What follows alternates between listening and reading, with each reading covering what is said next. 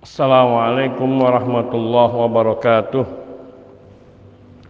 Alhamdulillahi wahdah wassalatu wassalamu ala man la nabiya ba'dah wa ala alihi wa sahbihi wa mawalah amma ba'd. Ikhwani fid din azzani Allah wa iyyakum jami'a wa rahimani wa rahimakum. Kita masih di bab keterangan dalil-dalil yang menerangkan bahwa sebagian dari umat ini menyembah berhala yaitu firman Allah tabaraka wa taala surat An-Nisa ayat 51 kita akan membacakan tafsir dari dan syarah dari Syekh Saleh Fauzan Al-Fauzan hafizahullah taala dalam kitab I'anatul Mustafid bi syarhi kitab Tauhid yakni firman Allah tabaraka wa taala An-Nisa ayat 51 A'udzu billahi minasyaitonir rajim min hamzihi wa nafthihi wa nafthihi Alam tara ila alladziina utu nasiban minal kitabi yu'minuna bil jibti wat taghuti Firman Allah alam tara ini adalah istifhamu takririn. Pertanyaan bukan untuk minta jawaban tapi untuk mengukuhkan menetapkan yang artinya ai qad raaitu wa alim qad raaita wa alimta ya Muhammad. Alam tara artinya bukankah tidakkah engkau mengetahui tidakkah engkau memperhatikan? Maknanya sungguh engkau telah melihat dan telah mengetahui wahai Muhammad. Ilal ladzina utu nasiban minal kitab ay haddan minal kitab. Yakni sungguh engkau telah melihat dan telah mengetahui orang-orang yang utu nasiba min alkitab diberi bagian dari Alkitab. An-nasibu al-haddu yakni bagian. Dan yang dimaksudkan dengan mereka al-muradu bihim al-yahud yaitu orang-orang Yahudi yang mereka menerima Alkitab. Lianna Allah a'tahum at-taurata allati anzalaha ala Musa alaihi salatu wasalam min indillah fa huwa kitabun azimun min indillah. Karena Allah telah memberikan kitab Taurat ini kepada mereka.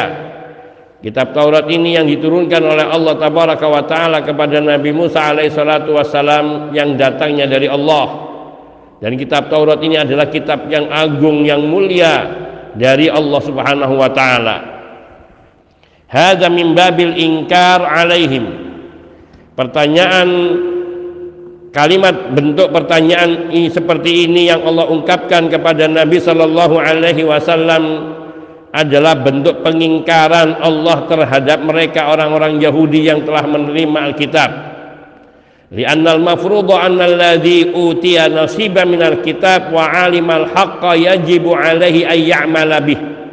Karena semestinya orang yang telah diberi bagian daripada Alkitab yakni sebagian daripada isi Alkitab dan telah mengetahui kebenaran. Kewajibannya adalah beramal dengan kit kebenaran yang ada dalam kitab yang diterimanya.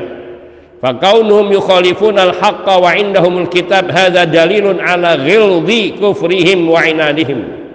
Keadaan mereka yang menyelisih kebenaran padahal di sisi mereka ada Alkitab. Ini menunjukkan kebesaran kufurnya mereka atau besar betapa besarnya kufur mereka dan penentangan mereka terhadap kebenaran Alkitab itu sendiri. Orang-orang Yahudi ini yuk, yuk, yuk minuna bil jibti letak kesesatan dan kekufuran mereka. Meskipun mereka telah mendapatkan Alkitab mereka masih beriman terhadap al-jibti. Ayusaddikuna bil jibti. Mereka mempercayai membenarkan al-jibt Al-jib di sini huwa asyirku awis sihru awis sahir awil kahin awis syaitan.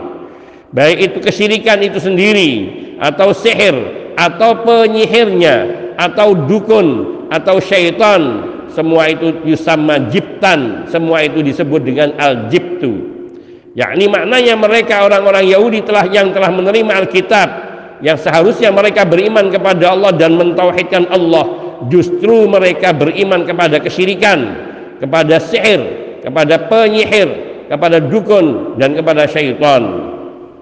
Kemudian tidak hanya kepada jibti saja mereka beriman tapi kepada at-taghut yang di dalam bahasa makna at-taghut diambil dari kata at-tughyan yaitu mujawazatul haddi melampaui batas wal muraduhu bihi. Huna yang dimaksudkan di sini mata jawaza bihil abdu haddahu min ma'budin aw matbu'in aw muta'in min ghairi ta'atillah. Kulluhu taghut yaitu yang dimaksudkan dengan at-taghut di dalam ayat ini hal-hal yang dilakukan oleh hamba yang melampaui batas di dalam sikapnya terhadap yang disembah. Ya ini melampaui batas dalam penyembahan sehingga dia menyembah yang bukan berhak disembah atau dia melampaui batas di dalam hal yang diikuti yaitu dia mengikuti di luar apa yang dibolehkan atau dia dalam melampaui batas di dalam hal yang ditak kepada yang ditaati yakni dia mentaati selain kepada Allah Subhanahu wa taala, maka dia telah mentaati apa yang sebenarnya tidak benar ditaati. Ini semua adalah tauhid yaitu perbuatan melampaui batas di dalam menyembah, di dalam mengikuti dan di dalam mentaati. Berkata Al-Allama Imam Ibnu Qayyim rahimahullahu taala, "At-tawaghitu katsiruna wa ru'usuhum khamsah." Tauhid itu banyak dan pemimpin mereka ataupun pangkalnya ada lima yang pertama iblis la'anahullah iblis semoga Allah menimpakan laknat kepadanya. Waman ubida wa huwa radin. Orang yang disembah dan dia ridho orang yang disembah dan dia ridho yang ketiga waman da'an nasa ila ibadati nafsihi. Orang yang menyeru orang lain untuk menyembah dirinya orang yang menyuruh orang lain menyeru orang lain untuk menyembah dirinya. Yang keempat wa manidda'a syai'an min ilmil ghaibi. Orang yang mengaku dapat mengetahui sedik, sesuatu dari perkara gaib. Tanpa ada dalil tentunya. Ini juga tagut yang kelima, man hakama bi ghairi ma anzalallah. Orang yang berhukum dengan selain hukum yang diturunkan dari Allah. Mereka ini tagut semuanya. Ini perkataan Ibnu Qayyim rahimahullahu taala. Iblis ini pemimpin daripada tagut karena dia menyeru umat umatnya, kaumnya dan manusia untuk menyembah dirinya dan sifat-sifat yang ada padanya semua terletak pada diri iblis ini.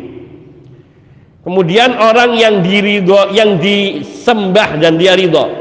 Disembah ini diibadahi. Diibadahi artinya dikultuskan. Dia dielu-elukan disanjung-sanjung dihormati, disucikan, diagungkan dan dia ridho. Adapun seperti Nabi Isa alaihissalatu wassalam dan Nabi Uzair alaihissalatu wassalam maka ia tidak ridho dan tidak dikatakan tauhid. Yang ridho dirinya disembah, di, ditaat, disembah, diagung-agungkan, maka dia ini yang tauhid. Yang ketiga ini man da'an nasa ila ibadati nafsihi orang yang mempromosikan dirinya untuk disembah menyeru orang lain agar menyembah dirinya. Tidak harus dengan sujud kepadanya rukuk kepadanya. Akan tetapi dengan mengagungkannya memuliakannya meminta ditaati di dalam semua perkara ucapan dan perbuatannya. Ini togut. Orang yang selalu ingin dipuji, disanjung, diagung-agungkan, dia tagut. Karena dia menyuruh orang lain, mengkondisikan orang lain, membawa orang lain untuk mengagungkan dirinya. Baik dia secara terang-terangan maupun tidak terang-terangan. Ini yang kedua. Yang ketiga, dan yang kepada dia itu manidda'a syai'an min ilmil ghaib ini semua dukun yang menyatakan dia tahu perkara yang gaib bisa menebak apa yang bakal terjadi maka ini juga atau dia pura-pura mengerti perkara yang bakal terjadi. Seperti misalnya coba kau lihat orang ini. Lihat bagaimana nantinya. Nah ini menganggap lihat dia akan seperti ini nantinya. Maka dia sudah menganggap dirinya mengetahui perkara yang gaib padahal dia tidak tahu. Karena tidak ada yang bisa mengetahui apa yang akan terjadi nanti esok dan selanjutnya maka orang yang dia merasa yakin dirinya bisa mengetahui akibat seseorang maka dia sudah mendakwakan dirinya mengetahui perkara yang gaib dan ini sama dengan tauhid dan yang kelima man hakama bi ghairi ma anzalallah orang yang berhukum kepada selain hukum Allah berdalil bukan dalil dari Al-Quran dan Sunnah dia berdalilnya kepada hukum lainnya kepada selain Al-Quran was Sunnah. Maka segala bentuk pendalilan dan hukum yang diambil, yang dikeluarkan yang tidak bersumber dari Allah dan Rasulnya Sallallahu Alaihi Wasallam maka dia juga termasuk tagut. Karena hak-hak ini semua ada pada Allah Subhanahu Wa Taala yang berhak untuk diibadahi adalah Allah Subhanahu Wa Taala. Dan yang menyeru untuk menyembahnya adalah Allah Subhanahu Wa Taala. Yang mengetahui perkara yang gaib adalah Allah Subhanahu Wa Taala. Dan sumber segala hukum adalah Allah Subhanahu wa taala. Wa yaquluna dan mereka mengatakan yakni orang-orang yang diberi Alkitab atau diberi bagian daripada Alkitab. Maknanya dia diberi sebagian ilmu dari Alkitab. Yaitu kitab Taurat. Yang masih beriman kepada Jipti dan beriman kepada Taurat mereka selalu mengatakan wa yaquluna ay mereka orang-orang Yahudi itu mengatakan lilladina kafaru kepada orang-orang yang kafir dari kaum musyrikin Quraisy. Haula'i ahda minal ladina amanu sabila.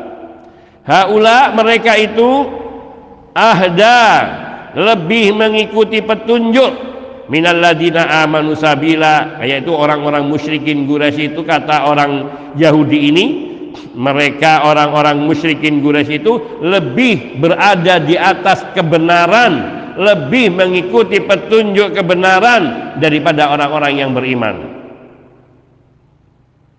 Mereka ini dipandangnya orang musyrikin itu lebih mengikuti petunjuk jalan, jalan yang lurus daripada orang-orang mukmin yang mengikuti Nabi sallallahu alaihi wasallam. Haulail kufar ahda minal ladina amanu sabila. Ringkasnya menurut orang Yahudi ini yang dia punya bagian Alkitab dia mengatakan haula ahda mereka ini lebih mengikuti petunjuk daripada orang-orang yang beriman di dalam menempuh jalan kebenaran aiman hajul kufari ahda min manhajil muslimin al muttabi'ina li Muhammadin sallallahu alaihi wasallam manhajul kufar jalan atau metode beragamanya orang-orang kafir itu lebih mengikuti petunjuk daripada jalan yang ditempuh oleh kaum muslimin yang mereka mengikuti Muhammad sallallahu alaihi wasallam. Wa hadza wa wa hum indahum alkitab. Dia mengatakan seperti ini, ya ini orang Yahudi ini mengatakan seperti ini padahal ia memiliki Alkitab artinya dia telah membaca kitab Taurat yang isinya memerintahkan untuk mentauhidkan Allah dan melarang mereka dari berbuat kesyirikan dan mereka mengetahui kebenaran ya'rifuna al-haqqa minal batil dan mengetahui mana yang batil. Namun kedengkiannya kepada Nabi Muhammad sallallahu alaihi wasallam dia menyembunyikan kebenaran bahkan ia sengaja menjatuhkan Nabi Shallallahu Alaihi Wasallam dan menganggap orang-orang musyrikin itu dipandangnya lebih baik daripada pengikut Nabi Muhammad Sallallahu Alaihi Wasallam. Wasababu alasan mengapa yakni diceritakan sebab terat, uh, alasan atau sebab turunnya ayat ini An-Nisa 51 Anna Rasul sallallahu alaihi wasallam lamma hajara ilal Madinah wa bay'ahu al-ansaru minal Aus wal Khazraj wa sarat lil muslimina daulatun 'azimatun fil Madinah. Igtazal yahudul ladina kanu fil madinati minal muslimin. Wa daqu bihim dar'a. Bahwa Rasulullah sallallahu alaihi wasallam ketika beliau hijrah ke kota Madinah kemudian beliau dibaiat oleh kaum Ansor dari suku Aus dan Khazraj dan mereka semua akhirnya beriman menjadi muslim. Syarat li muslimin daulah azimah. Dan kaum muslimin akhirnya memiliki negeri negara yang besar fil Madinah di kota Madinah. Yang sebelumnya mereka terpisah-pisah terpecah-pecah. Hanya suku-suku. Tapi dengan datangnya Nabi Muhammad sallallahu alaihi wasallam mereka berbeat kepada beliau maka menjadi sebuah negara yang kuat memiliki daulatan kekuasaan nah, karena orang-orang Ansor ini pada memuliakan Nabi sallallahu alaihi wasallam igtazal yahud. Orang-orang Yahudi ini marah. Jengkel. Alladzina kanu fil madinati alladzina kanu fil madinati minal muslimin. Yakni orang-orang Yahudi yang ada di kota Madinah ini marah kepada orang-orang muslimin dari dari kaum Ansor wadaku bihim dar'an. Dan mereka ini merasa jalan mereka itu sempit terdesak oleh adanya kaum muslimin. Mereka bersatu dulu mereka pecah-pecah. Orang Yahudi dengan orang-orang Arab Ansor ini penduduk Madinah ini bermusuhan tapi orang-orang Arab tidak bersatu. Mereka ada suku Aus Khazraj terutama dua suku ini yang saling bermusuhan tapi dengan sebab datangnya Rasul Shallallahu Alaihi Wasallam dan ajaran yang mulia itu menyatukan suku Aus dan Khazraj sehingga mereka bersatu. Ditambah lagi dengan kaum muhajirin yang mereka berhijrah dan beriman kepada Nabi bersama dengan kaum Ansor yang kemudian Rasulullah Shallallahu Alaihi Wasallam lihat bagaimana strategi beliau menyatukan bangsa Arab yang mereka bersuku-suku dipersatukan di dalam persaudaraan keimanan. Orang-orang Ansor disaudarakan orang-orang Muhajirin dipersaudarakan dengan orang-orang Ansor maka menjadi kuat. Dan inilah yang menyebabkan orang Yahudi semakin gerah semakin jengkel marah kepada Nabi Shallallahu Alaihi Wasallam. Bin Ashraf wa Huyai bin Akhtab ilal musyrikin fi Makkah yastanjidunahum ala kitalir Rasul sallallahu alaihi wasallam wa ashabihim. Fantahazal musyrikun al fursata wa qalu antum ahlu kitabin ta'rifuna al haqqa minal batil. Bayyinu lana anahnu ahda am Muhammad. Ini ini ceritanya di sini maka Ka'ab bin Al-Ashraf dan Huyai bin Akhtab ini dua pendeta Yahudi atau dua orang Yahudi yang mereka memiliki pengetahuan tentang kitab Taurat. Pergi ke Mekah menemui kaum musyrikin di Mekah. Yastanjidunahum ala kita di Rasul sallallahu alaihi wasallam wa mereka minta bantuan untuk memerangi kaum muslimin memerangi Rasulullah sallallahu alaihi wasallam dan para pengikut beliau para sahabatnya. Nah, maka kesempatan ini dimanfaatkan oleh kaum musyrikin intahazal musyrikuna al fursah kaum musyrikin mengambil manfaat mengambil kesempatan. Waqalu mereka berkata kepada Ka'ab bin Ashraf sama Huyai bin Akhtab ini antum ahlu kitab. Kalian ini orang-orang yang beriman kepada kitab suci yaitu Taurat ta'rifun al-haqqa minal batil. Tentu kalian tahu yang hak dan yang batil. Bayinu lana. Nah, sekarang terangkan kepada kami. Anahnu ahda am Muhammad. Siapa yang lebih benar? Siapa yang lebih mengikuti petunjuk? Kami atau Muhammad? Ini orang lagi datang butuh pertolongan. Ditanya gini kira-kira. Dia jawabnya benar apa enggak karena orang-orang Yahudi itu pengkhianat pendusta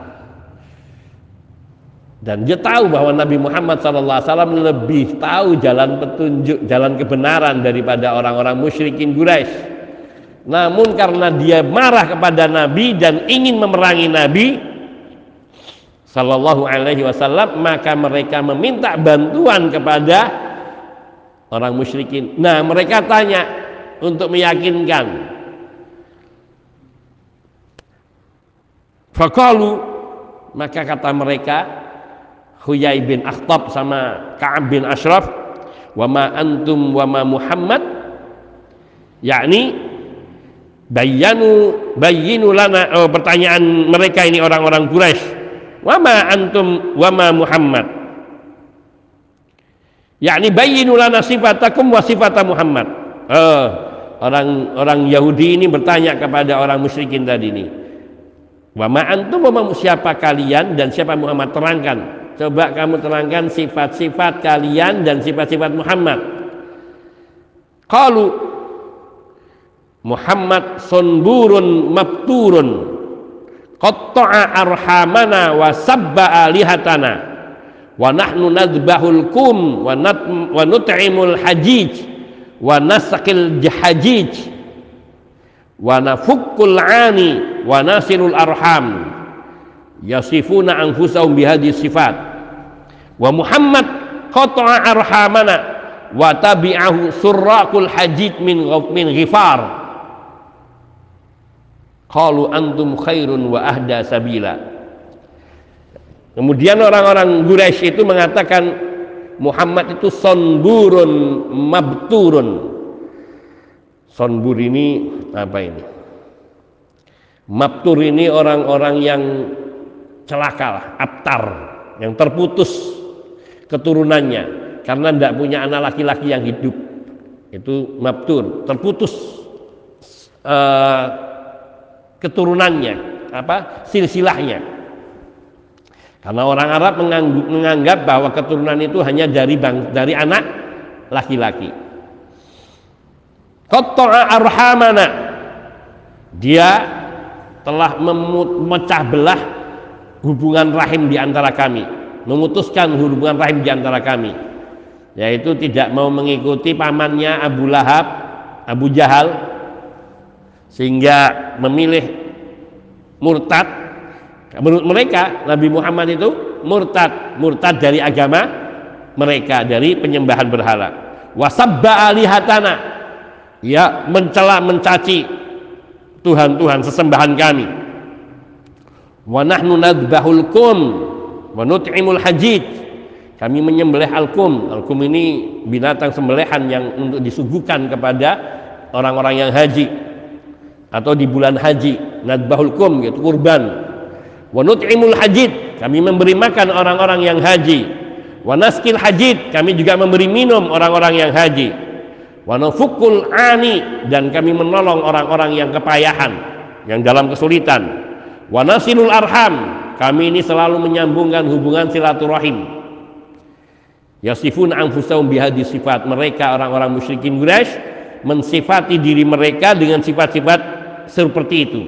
Sementara mensifati Nabi Shallallahu Alaihi Wasallam sonburun mabturun mabtur ini tadi aptar yang tidak punya keturunan yaitu dari dari anak laki-laki. Qatta'a arhamana yang suka memutuskan hubungan tali silaturahim di antara kami yaitu menyebabkan bapak sama anak menjadi pecah. Karena anaknya beriman kepada Nabi dan tidak mau mengikuti bapaknya lah ini yang mereka jadi marah. Wasabba alihatina yang paling mereka benci adalah karena mencaci maki berhala mereka yang patung dicaci maki patut Kemudian mereka mengatakan lagi wa Muhammad qata'a arhamana wa tabi'ahu surrakul hajid min ghifar. Muhammad ini telah memutuskan hubungan tali silaturahim di antara kami. Artinya tadi bapak sama anak, saudara sama saudara di di, di, di dipecah, diputuskan hubungannya, suami sama istri dan seterusnya.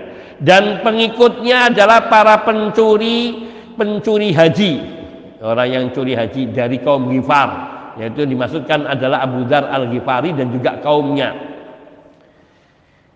Maka mereka ini orang-orang Yahudi mengatakan antum khairun wa ahda sabila. Kalian ini lebih baik dari Muhammad sallallahu alaihi wasallam dan lebih mengikuti petunjuk.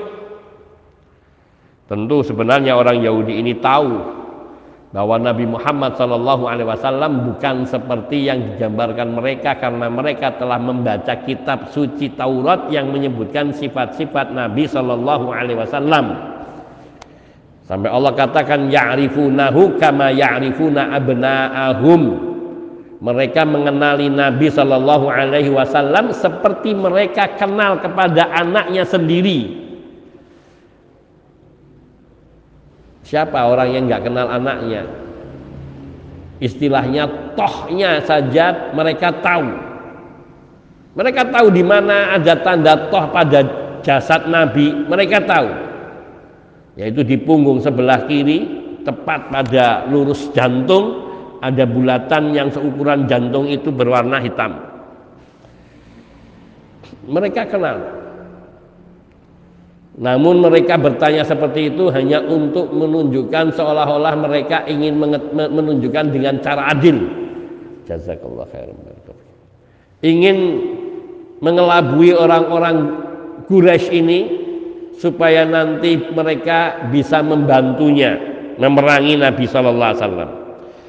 Wasyahid minal ayah lil bab yang dijadikan syahid di dalam ayat ini di dalam bab ini yaitu surat An-Nisa ayat 51 dari firman Allah tabaraka wa taala alam tara ilal ladina utu nasiba minal kitabi yu'minuna bil jibti wat tawud annau idza kana fil yahudi man yu'minu bil jibti wat tawud fasayakunu fi hadhil ummati man yaf'alu dzalika tashabbuhan bihim. Yaitu apabila di kalangan Yahudi yang mereka ini telah menerima Alkitab dan telah membaca Alkitab. Yang mereka tahu perintah untuk mentauhidkan Allah dan larangan menyatukan kesyirikan. Masih ada yang juga beriman kepada Al-Jibti dan At-Taghut. Yaitu dia mengikuti perkataan orang-orang Quraisy ini dan kemudian membenarkan mereka.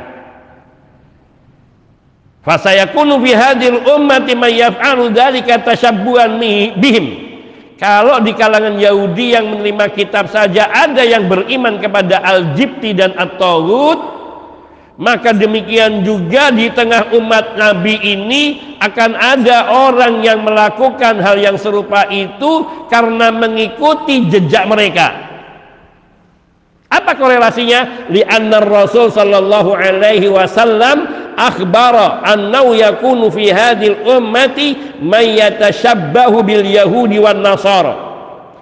Karena Nabi sallallahu alaihi wa alihi wasallam beliau telah memberitahukan bahwa sungguhnya akan ada di tengah umat ini yakni dari umat beliau yang akan suka meniru-niru orang-orang Yahudi dan orang-orang Nasrani Wa min dalika dan di antara perbuatan umat ini yang meniru-niru orang Yahudi yaitu al-iman bil jibti wa taghut beriman kepada al-jibti dan at-taghut. Beriman kepada kesyirikan dukun kepada sihir kepada syaitan dan juga beriman kepada segala yang disembah selain daripada Allah Subhanahu wa taala juga wa minal syirki billahi azza wa jal. Ala. Astagfirullahaladzim ambiti wa tawu wa kadzalika yujadu fi hadhil ummati may yumajjidul kuffar wa yantaqisul muslimin. Juga selain di tengah umat ini akan ada orang yang menyembah yakni berhala gampangnya yang percaya kepada dukun tukang sihir di tengah umatnya Nabi Sallallahu Alaihi Wasallam seperti yang dilakukan juga oleh kaum musyrikin oleh ahli kitab juga di tengah umat ini ada orang yang suka memuliakan orang kafir. Yumajid al kufar memuliakan orang kafir. Wayantakisul muslimin dan suka mencela mencaci menjelekkan kaum muslimin. Sek mending wong non muslim sing jujur tinimbang wong muslim sing ora jujur. Ini dia membandingkan muslim dengan orang kafir. Padahal sebaik-baik orang kafir tetap saja dia jelek sejelek-jelek orang muslim yang ahlu tauhid sejelek-jeleknya dia masih mentauhidkan Allah. Sebaik-baiknya orang kafir dia menyekutukan Allah. Dia kufur kepada Allah. Maka ada satu pernyataan. Ketika ada orang-orang sufi yang kemudian disikapi baik kemudian dilarang oleh seorang oleh para ulama Kenapa? Lalu mereka orangnya baik, akhlaknya mulia. Ya, kepada manusia mereka akhlaknya mulia, tapi akhlaknya kepada Allah jelek mereka. Karena mereka mempersekutukan Allah dalam ibadah-ibadahnya, meminta kepada ahlul kubur, bertawasul kepada ahlul kubur. Ini termasuk akhlak yang jelek. Jadi kita mengambil penimbangan yang rendah, salah mengambil penimbangan yang paling tinggi yaitu siapakah yang paling didolimi atau yang siapakah yang paling disikapi dengan tidak benar. Yaitu ketika mereka itu berbuat baik dalam segala hal namun kufur kepada Allah atau menyekutukan Allah dengan sesembahan yang lain maka itu lebih jelek. Meskipun dia baik sama orang lain baik suka nolong suka memberi suka membantu suka memaafkan kesalahan orang lain itu semua tidak ada faidahnya kalau dia tidak mengesahkan Allah Subhanahu wa taala dalam ibadah. Maka ada di umat ini orang yang suka memuliakan orang-orang kafir bahkan sampai wa naudzubillah mencium tangannya orang kafir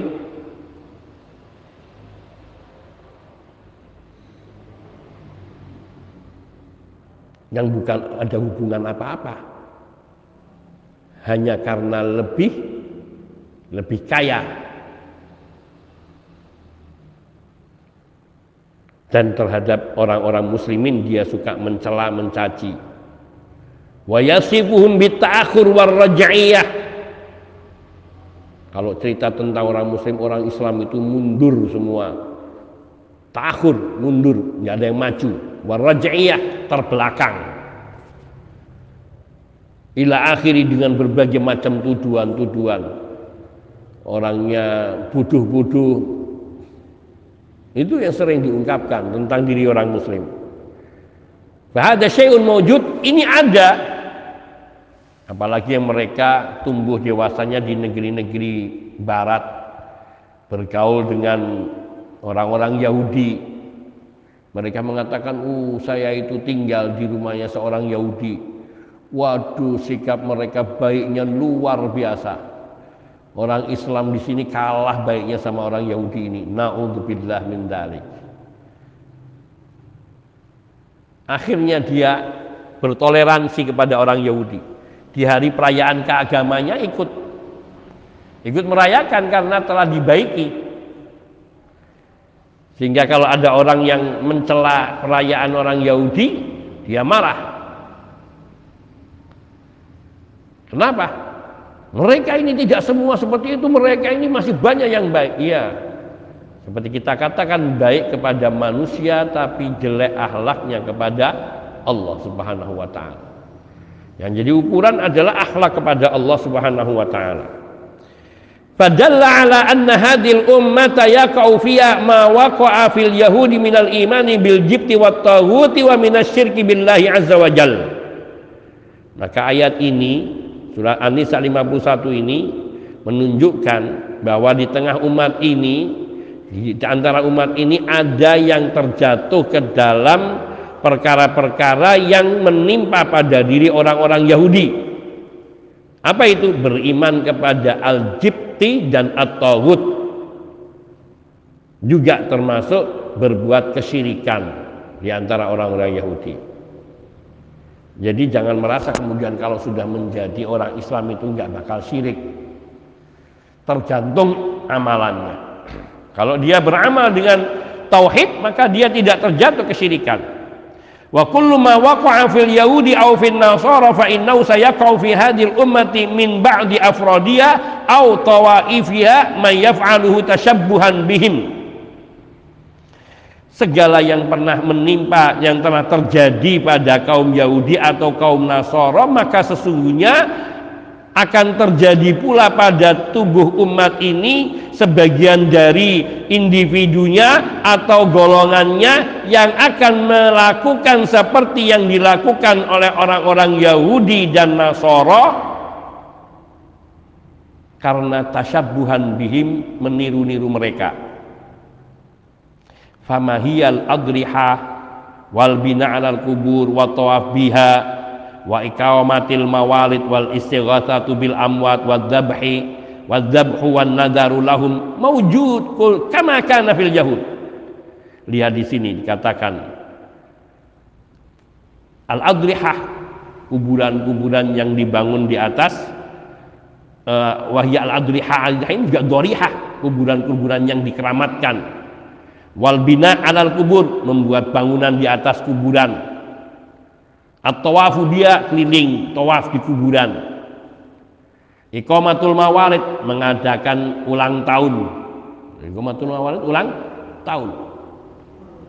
Istighosah bil amwat. Mengadakan maulid itu kan ulang tahun. Istighosah bil amwat minta istighosah minta tolong kepada orang mati dalam menghadapi kesulitan. Wadzabhu wan nadaru lahum menyembelih untuk orang-orang yang sudah mati atau bernazar untuk menyembelih di hadapan orang yang sudah mati atau untuk kuburan orang yang sudah mati. Kulluha mewujud semua ini ada di tubuh umat Islam dan itu yang terjadi di kaum Yahudi terdahulu. Jadi semua kebidahan yang muncul di Islam ini adalah bentuk mengekor menyerupai. Maka Nabi Wasallam telah memperingatkan man tasyabbah biqaumin fahuwa minhum. Barang siapa yang menyerupai orang-orang suatu suatu kaum maka dia dari mereka. Lebih tegas lagi Nabi sudah mengatakan latar kabunna sunana man kana qablakum shibran bi shibrin wa dira'an bi dira'in hatta lau jaha hatta lau dakhalu juhra dabbin lattaba'tumuhu Latar kabun nasunana mangkana kalian ya ini maksudnya bukan para sahabat. Namun artinya dari dari kalian dari umat kita ini. Akan ada yang latar kabun nasunana mangkana qablakum melakukan mengikuti sunnah-sunnah ajaran umat-umat terdahulu yaitu umat yang sudah dihapuskan hukum-hukum syariatnya yaitu umat ahlu kitab Yahudi dan Nasara shibran bi shibrin wa dira'an bi dira'in. Sejengkal demi sejengkal. Sehasta demi sehasta.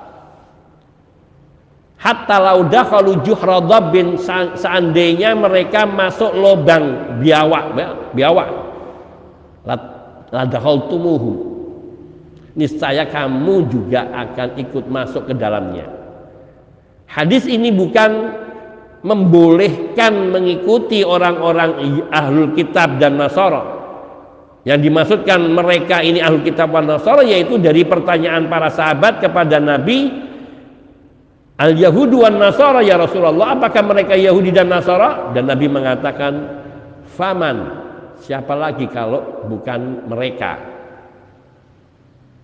Maka tegasnya bahwa orang-orang Yahudi dan Nasara mereka ini ajarannya meskipun sudah dihapuskan syariatnya di dalam Islam tapi ajarannya masih akan diikuti oleh sebagian kaum muslimin.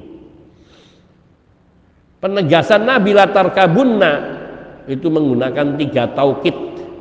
La lamut taukid yang pertama. Anna ini nun saddah ini nunut tauqidain nun dengan dua penguatan. Nun itu untuk satu penguatan kalau nun sukun. Latar kabun. Tapi ketika latar kabunna itu ada dua penegasan. Yang maknanya penegasan ucapan Nabi bertingkat sampai pada tiga. Latar kabunna sunana mangkana qablakum. Itu banyak riwayat yang menyebutkan sam shibron bi shibrin dira'an bi dira'in atau haddal qaddah yang artinya kurang lebih sama sejengkal demi sejengkal sehasta demi sehasta. Artinya sedikit demi sedikit lama-lama sampai mereka masuk ke lubang biawak lubang biawak itu kecil. Artinya menyakiti diri akan ikut masuk. Lihat orang sekarang pada tatonan badan ditatoi tato itu eh, enak apa sakit? Kan sakit itu. Saya meskipun nggak nggak nggak pernah ya paling tidak saya lihat sakit. Ditutul-tutul pakai jarum panas. Satu badan. Atau menyakiti yang lain ada sampai telinganya dilobangi Walhamdulillah orang-orang yang sudah bertaubat meskipun mereka tidak bisa menghilangkan yang teman taubat tapi betapa banyaknya mereka yang mengikuti itu. Kenyataan dari apa yang dikatakan oleh Nabi. Ada lagi yang sampai hidungnya dikasih cincin. Bibirnya. Ada lagi lidahnya. La ilaha illallah. Ini kalau makan tertelan itu jarumnya gimana? Itu kan menyakitkan itu menusuk-nusuk pada lidahnya kepada bibirnya hidungnya. Kayak kerbau itu yang ditarik itu. La ilaha illallah. Ini baru amaliyah belum ubudiyah. Sekarang sampai akhirnya ada ada tokoh muslimin pimpinan lembaga Islam berdalilnya aja sudah dengan Injil yang dijadikan dalil kitab Injil. Dan menghimbau kaum muslimin untuk mempercayai kandungan kitab ini yang sekarang ini sudah banyak perubahan. Seolah-olah Al-Quran ini tidak cukup. Seolah-olah di dalam Al-Quran ini masih kurang dan harus disempurnakan dengan Injil. Ini satu sikap yang menunjukkan benarnya sabda Rasul Shallallahu Alaihi Wasallam akan ikut-ikutan sampai nanti lama-lama ikut agamanya. La ilaha illallah.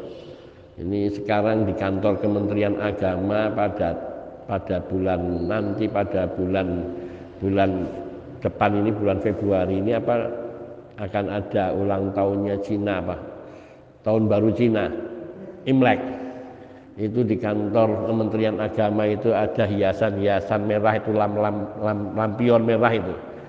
Ini betul-betul Kementerian Agama seluruh agama. Nanti kalau hari rayanya agama Kristen ya nanti pakai sinterklas nanti agamanya Hindu ya pakainya sorban sama sama tasbih gede kalungkan. La ilaha illallah sehingga dulu yang Nabi ingkari sampai turun firman Allah kul ya ayyuhal kafirun ini menjadi terhapus surat ini buat mereka. Karena ingin menyamakan mensetarakan la ilaha illallah. Padahal Allah mengatakan la a'budu ma ta'budun. Memerintahkan kepada Nabi untuk mengatakan aku tidak akan beribadah seperti kalian beribadah itu kan sama akhirnya beribadah seperti ibadahnya mereka. billah. Yang terpenting di bawah ayat ini yang pertama di sini menunjukkan bahwa di antara orang-orang yang mengaku umat Nabi Shallallahu Alaihi Wasallam atau mengaku dirinya Muslim ada di antara mereka yang nanti menyembah berhala percaya kepada dukun kepada penyihir kepada syaitan percaya kepada berita-berita tentang masa depan yang diramal oleh para dukun paranormal. Dan itu ada. Dan ini menjadi bukti bahwa seseorang kalau sudah Islam belum tentu aman kecuali kalau dia mempelajari tauhid dengan benar sehingga dia tahu mana yang tauhid dan mana yang di luar tauhid. Di luar tauhid itu banyak sekali, kesyirikan terutama, kemunafikan ini juga di luar tauhid, kekufuran itu juga di luar tauhid. Maka kita hendaknya senantiasa menggali ilmu yang telah disampaikan kepada kita semua oleh Allah tabaraka wa taala dan rasulnya sallallahu alaihi wasallam melalui para sahabat yang mulia yang menjelaskan maksud dan pengertian daripada wahyu-wahyu serta sabda-sabda Nabi tersebut. Hadza naktafi wa insyaallah kita akan lanjutkan pembahasannya nanti yaitu menggunakan kitab Al-Qaul Mufid. Hadza wa sallallahu wasallam ala nabiyina Muhammadin wa alihi wa sahbi ajmain walhamdulillahi rabbil alamin. Subhanakallahumma bihamdika asyhadu an la ilaha illa anta astaghfiruka wa atubu ilaik. Assalamualaikum warahmatullahi wabarakatuh.